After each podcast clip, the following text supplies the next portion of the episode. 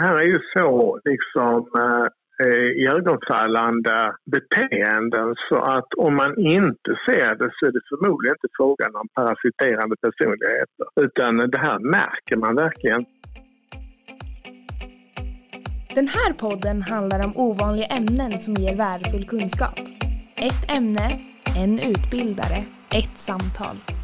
Det här är Kompetenstjänstpodden. Idag ska vi prata med Stefan Sandström som är legitimerad psykolog, föreläsare och författare. Stefan har handlett inom olika verksamheter under 40 år. Och idag ska vi prata om parasiter på arbetsplatsen. Inom medicinsk vetenskap innefattar parasiter de organismer som lever i eller på människor och som är till skada. Det finns på nästan alla arbetsplatser i nästan alla arbetslag. Människor som ständigt drar sig undan, inte tar ansvar, utnyttjar andra och systemet för egen vinnings skull. Hur ska man handskas med dem och få dem att uträtta det jobb som de har betalt för? Och det tänker jag nu fråga Stefan Sandström. Välkommen! Tack så mycket! Hur skulle du beskriva en parasit på arbetsplatsen? Ja, alltså jag kallar för parasiter på arbetsplatsen. Det är människor som inte presterar normalt. De eh, visar inget intresse för verksamheten utan försöker göra så lite som möjligt och uppbära lön i alla fall. Mm. Så hur känner man igen en parasit på jobbet? Ja, alltså känner man inte igen dem omedelbart så är det förmodligen inte parasiter utan det är någonting annat. Det här, det här är någonting man märker. Det är människor som de maskar, de arbetar långsamt, eh, de, de glömmer bort att göra vad de ska. De är frånvarande, de kanske kommer sent och går tidigt. Sjukdomar, frånvaro, alltså mycket sjuk utan giltiga skäl, misstänkta vabbar, man skjuter upp saker och ting tills det inte blir gjort överhuvudtaget. Eh, man kanske inte gör färdigt arbetsuppgifter som man har utan lyckas lägga över det på andra. Så är, finns de här i, i alla skick i, inom arbetsmarknaden? Ja, alltså jag upptäckte det här först. Det var en kompis till mig som hade en sån här person på sin arbetsplats som var väldigt alltså, Eh, extrem när det gällde detta. Och då tänkte jag att det här finns ju nästan överallt. Alltid finns det någon person som eh, uppför sig så här. Men eh, överallt det kan man väl inte säga naturligtvis, det kan man ju inte veta. Men hur, kom, hur föddes idén, hur, hur kom du på att bearbeta den här typen av personligheter? Nej, det var ju just därför att min kompis hade alltså en sån person på sin arbetsplats och det fick ju då hela tiden konsekvenser till att andra människor fick ta, ta över och göra hans jobb och de fick arbeta hårdare. Det var som att de var en man mindre i princip. Sen blev det ju också irritationer bland de brukarna som var knutna till verksamheten att de fick ju inte vad de skulle ha.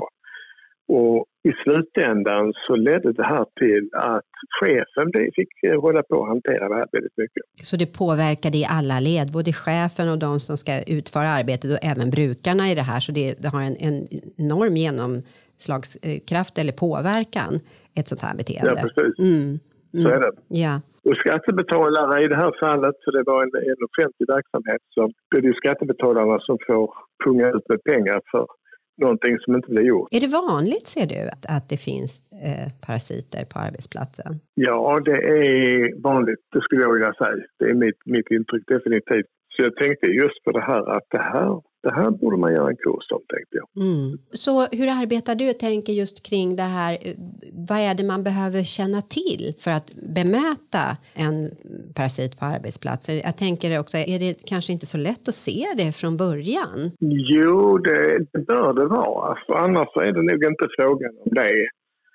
Jag menar, människor kan vara, man kan vara mer eller mindre pigg och alert och, och, med och så här. Det, det finns ju en normalvariation bland människor. Då är det en fara om man liksom börjar se vissa personer som parasiter därför att de inte ligger i toppskiktet när det gäller prestation. Utan det här är människor som är, alltså där det är väldigt tydligt, väldigt, väldigt tydligt att de inte gör sin bit av jobbet. Och det uppstår alltså irritationer och konflikter i förhållande till just de personerna just därför. Mm. Så det är mer också att det, det, uppstår konflikter kring de här personerna. Det jag förstår av det du säger att man ska vara varsam med vad man kallar för parasit utan det här är liksom tydliga parasiterande tendenser då där man inte gör sitt jobb, där man eh, låter kollegor göra det och så vidare. Precis. Ja. Just. Mm.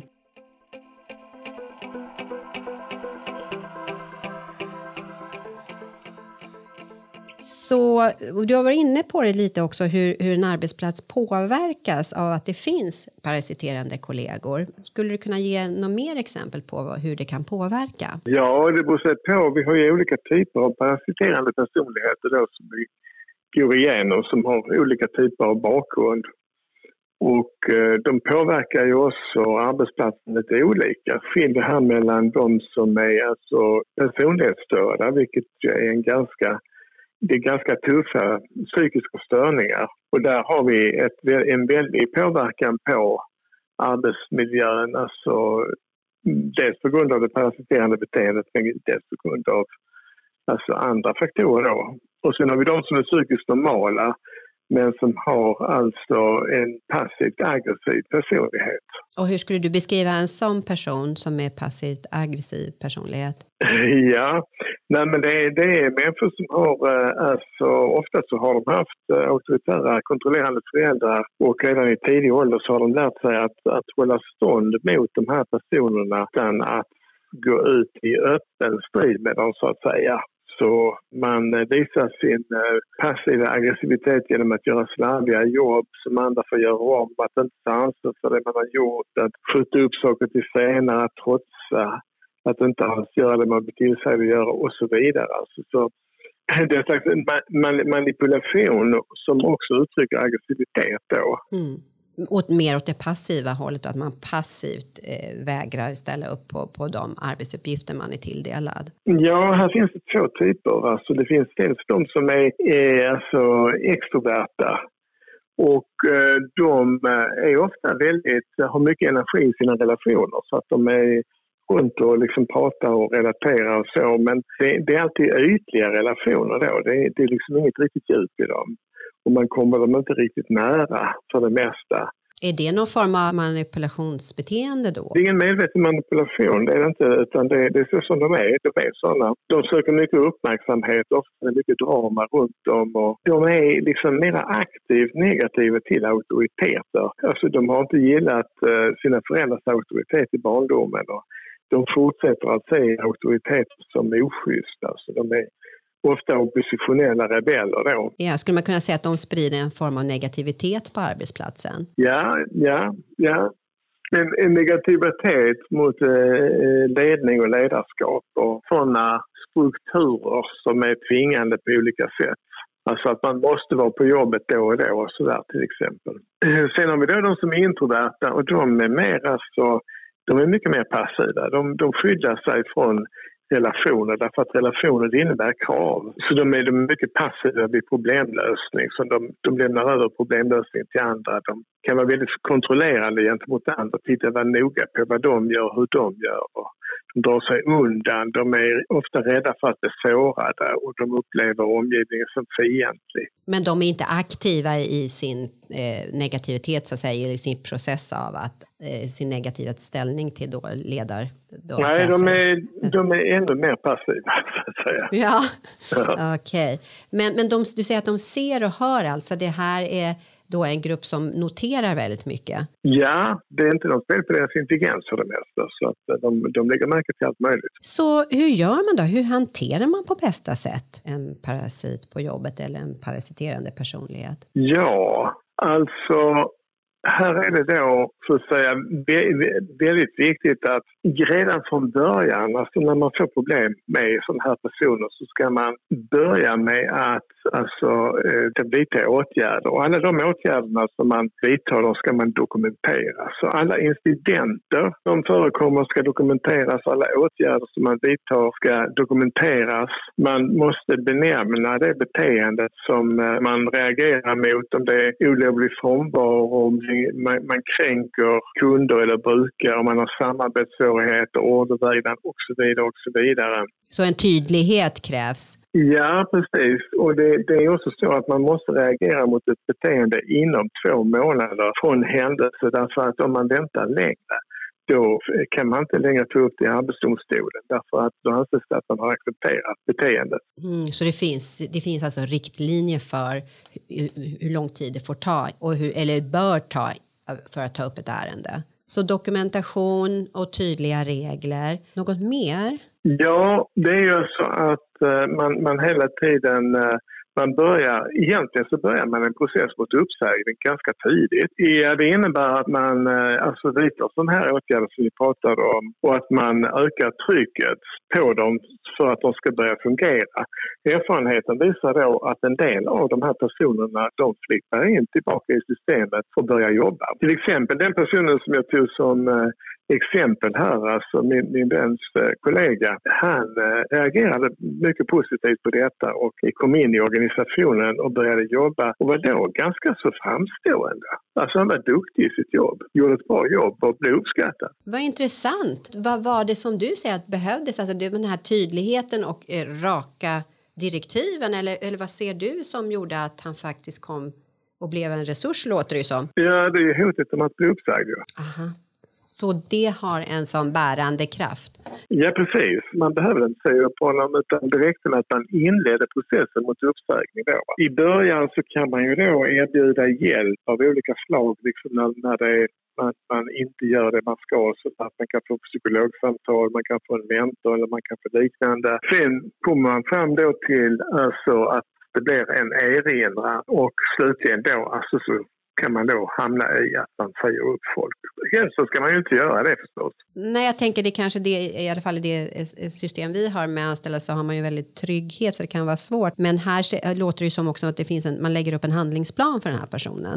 Ja, precis. Och det, det är inte så svårt att säga upp folk. Det här är en ny som finns oerhört mycket i alltså offentlig verksamhet faktiskt. Men eh, i privat verksamhet så är det ju inte så utan liksom väldigt mycket av det som tolereras i offentlig verksamhet det får ju omedelbara konsekvenser i privat verksamhet så att folk åker ut på öronen. Men det är samma arbetsmiljölagstiftning som vi har eller arbetsrättslagstiftning som vi har. Hur kommer det sig att det skiljer sig? Ja, jag, jag tror att det här är en, är, har, har liksom historiska rötter att vi har haft eh, under lång tid så var Socialdemokraterna det liksom eh, regeringsbärande partiet i Sverige och arbetarrörelsen och man, hade, man ville inte säga upp folk helt enkelt. Det kändes inte bra. Så det, det skapades en kultur av att man inte skulle säga upp folk. I en kommun och i en region så blir ju folk dessutom arbetslösa då, då kan de inte betala skatt. Nej, precis. Men skulle du säga då att det här beteendet, det parasiterande beteendet, är, syns mer i den offentliga sektorn än i den privata? Oh ja, i den privata sektorn så får de här sluta ganska fort. Så därför så är det just i den offentliga sektorn som man råkar ut för det här. Man kan se liksom till exempel människor som har betalt för att jobba på eh, nätterna, att vara vakna på nätterna. En del har ju betalt för att sova på nätterna men de som har betalt för att vara vakna på nätterna, det är ju inte så ovanligt att människor struntar i det och sover istället. Det är ju ett typiskt exempel.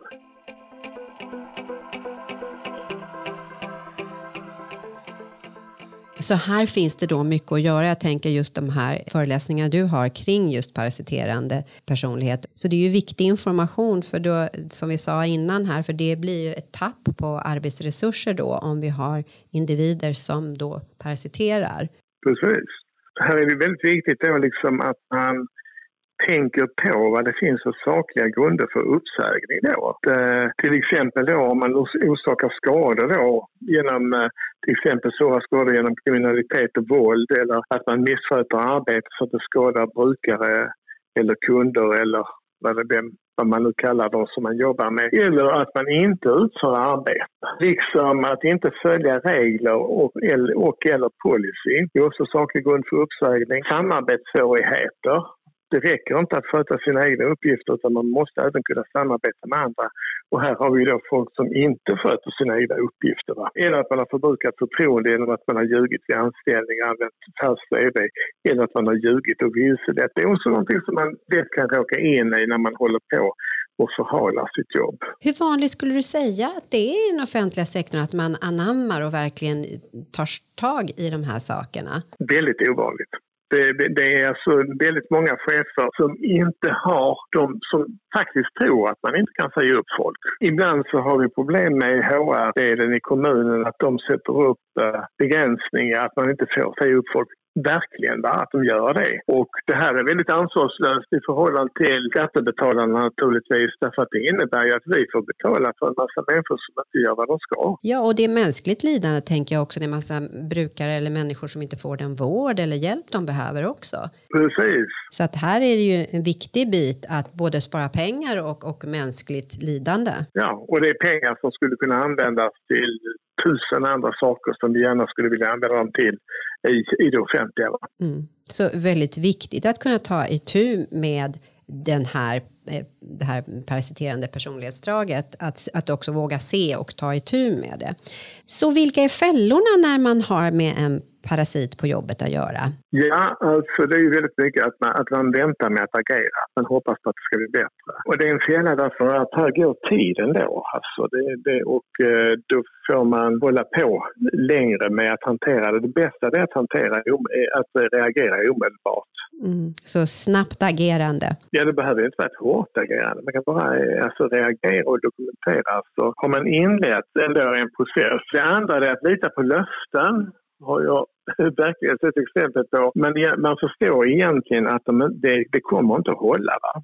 Alltså personen lever, jag ska bli bättre och så. Och där hamnar chefen i en fälla av att man orkar inte hålla på med detta. Man hinner inte, man har andra saker som är pressande och då är det liksom den snabbaste vägen att lita på ett löfte som man inte tror på. Och det får man bittert ångra. Sen att tro att förbättringen efter en konfrontation är beständig nödvändigtvis. En del av de här är taktiker, de har varit med förr och de vet att ja, nu förbättrar jag mig och så håller jag på två veckor och sen så skiter jag i det. Och så är man tillbaka på samma ställe och i det läget så har man glömt bort eh, incidenten och personen och, och fokuserar på annat och sen så tar det tid innan man blir basad igen då. Mm. Så, och det är viktigt med den här handlingsplanen och att också följa upp så att det sker någonting över längre tid? Det måste göras, ja.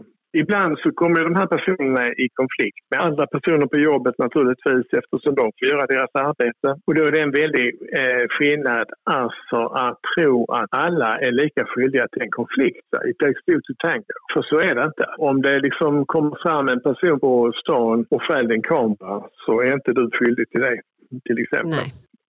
Mm. Det var ett bra eh, exempel. Ja, sen kan man sänka kravnivån när, när man känner att den här personen inte fungerar. Jag kanske inte behöver göra allt. Va? Och så sänker man kravnivån utan att det egentligen är motiverat. Så det blir indirekt som att säga att det är okej att, att släpa efter lite? Ja, släppa, släppa efter eller att inte uppnå de resultaten som man normalt kan förvänta sig, helt enkelt.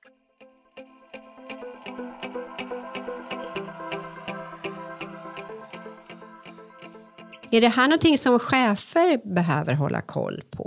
Ja, det är, det är cheferna som behöver hålla koll på det. det, här, det här, den här kursen och föreläsningen riktar sig just till cheferna. Det är de som kan göra det, vidta de här åtgärderna. Vad är det de ska titta specifikt efter så att, att var, verkligen se det här beteendet? Det här är ju så liksom Eh, iögonfallande beteenden. Så att om man inte ser det så är det förmodligen inte frågan om parasiterande personligheter. Utan det här märker man verkligen. Det som kan hända med liksom om man har en platt organisation och chefen sitter på något annat ställe det är ju att de, alltså de här andra medarbetarna som finns där hamnar i medberoende i förhållande till den parasiterande och man håller på att skydda dem då samtidigt som de kanske är irriterade på den här personen naturligtvis. Va? Skydda dem, tycker synd om dem, om de ska tvingas ta ansvar och så man kan med dem dölja det här. Det är, det är liksom den typen av eh, moral som man ofta har som barn, att man ska tjalla och som sen dyker upp i den kriminella världen. Snitches get stitches och sådär. Va? Det är psykopatmoral i grund och botten. Va? Man ska akta sig för att gå in i sånt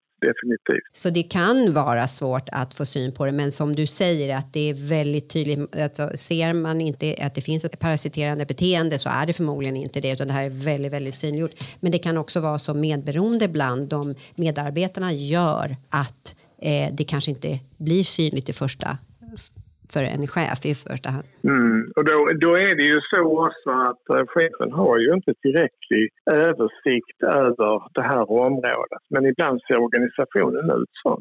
För det låter som en viktig, det är en viktig information för chefer att ha som skulle spara både, som vi pratade om innan, både pengar och också eh, tänker på medarbetare, tar energi att ha en, en, en, parasit på jobbet och också de som är då eh, tar emot, alltså brukare. Så att jag menar, det här är ju en viktig del i att eh, skapa ett bättre arbetsklimat och system. Jag har ju också upptäckt att det finns svåra missförhållanden som kan vara kopplade till detta. Till exempel i mina ungdomsår så jobbade jag på ett psykiatriskt sjukhus på en psykogeriatrisk avdelning, alltså gamla människor, ofta med, med liksom, eh, svåra demenssjukdomar och liknande. Och här, var, fanns det en hel grupp, hela gruppen parasiterade.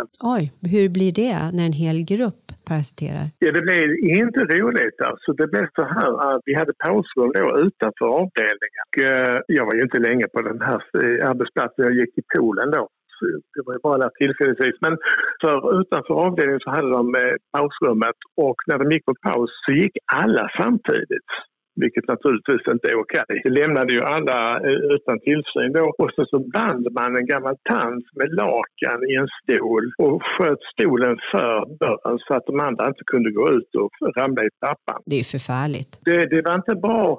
De, sen satt de och fikade tills de började få ont i rumpan av att titta och då äntligen, alltså några timmar senare, så reste de sig upp och sköt undan tanten med stolen och sen så gick de runt och plockade upp alla de som hade hade ramlat omkull och krossade om de som blödde och hade slagit sig och så. Det här är ju absolut den värsta formen då när en hel grupp blir eh, parasiterande och där det får all, väldigt allvarliga konsekvenser, eh, både kränkande och, och vanvårdande. Precis. Va? Och där var, jag såg en ung flicka som gick med en eh, bricka efter maten, hon med en bricka i handen och då stod det en gammal eh, kvinna med demens i slutstadiet. Alltså, som, hon stod upp och, och stod i vägen och flickan hon putta till henne i ryggen så att hon for ner i golvet och liksom först slog kroppen i, i golvet och sen slog huvudet i golvet efter. Det är förfärliga exempel du ger här som är väldigt viktiga att få bukt med. Och det som väcker en fundering i mig, är de här parasiterande människorna, har de en empatistörning som du ser det? Nej, inte de flesta, men, men det är just de som är personlighetsstörda som har det. Ja. De har ju alltså empatistörningar. Och jag tänker, den gruppen, för du sa att det går ju att få bukt och som du berättade i början om den här exemplet med din vän, eh, kollega där som faktiskt blev en resurs om jag förstod det rätt. Kan alla bli en resurs eller är det vissa som behöver få sluta som du ser det? Nej, jag, det, det, jag kan inte svara på det, men jag, det, det verkar osannolikt att alla skulle vara beskaffade på samma sätt, så jag antar att det är väl lite olika med det. Men för många så är det ett val. Det, det är ju det som också är grejen, att för många så är det ett val där man kan välja att Eh, gå in och göra det arbete som man får betalt för och liksom sköta sig i förhållande till sina kollegor, sin ledning och sina klienter och så. Det, det valet är ju öppet för de allra flesta i alla fall. Utgivare av denna podd är Kompetenstjänst. Ett utbildningsföretag som erbjuder utbildningar och föreläsningar för fortbildning inom offentlig sektor. Så missa inte den korta versionen av detta avsnitt för ännu mer tips och kunskap.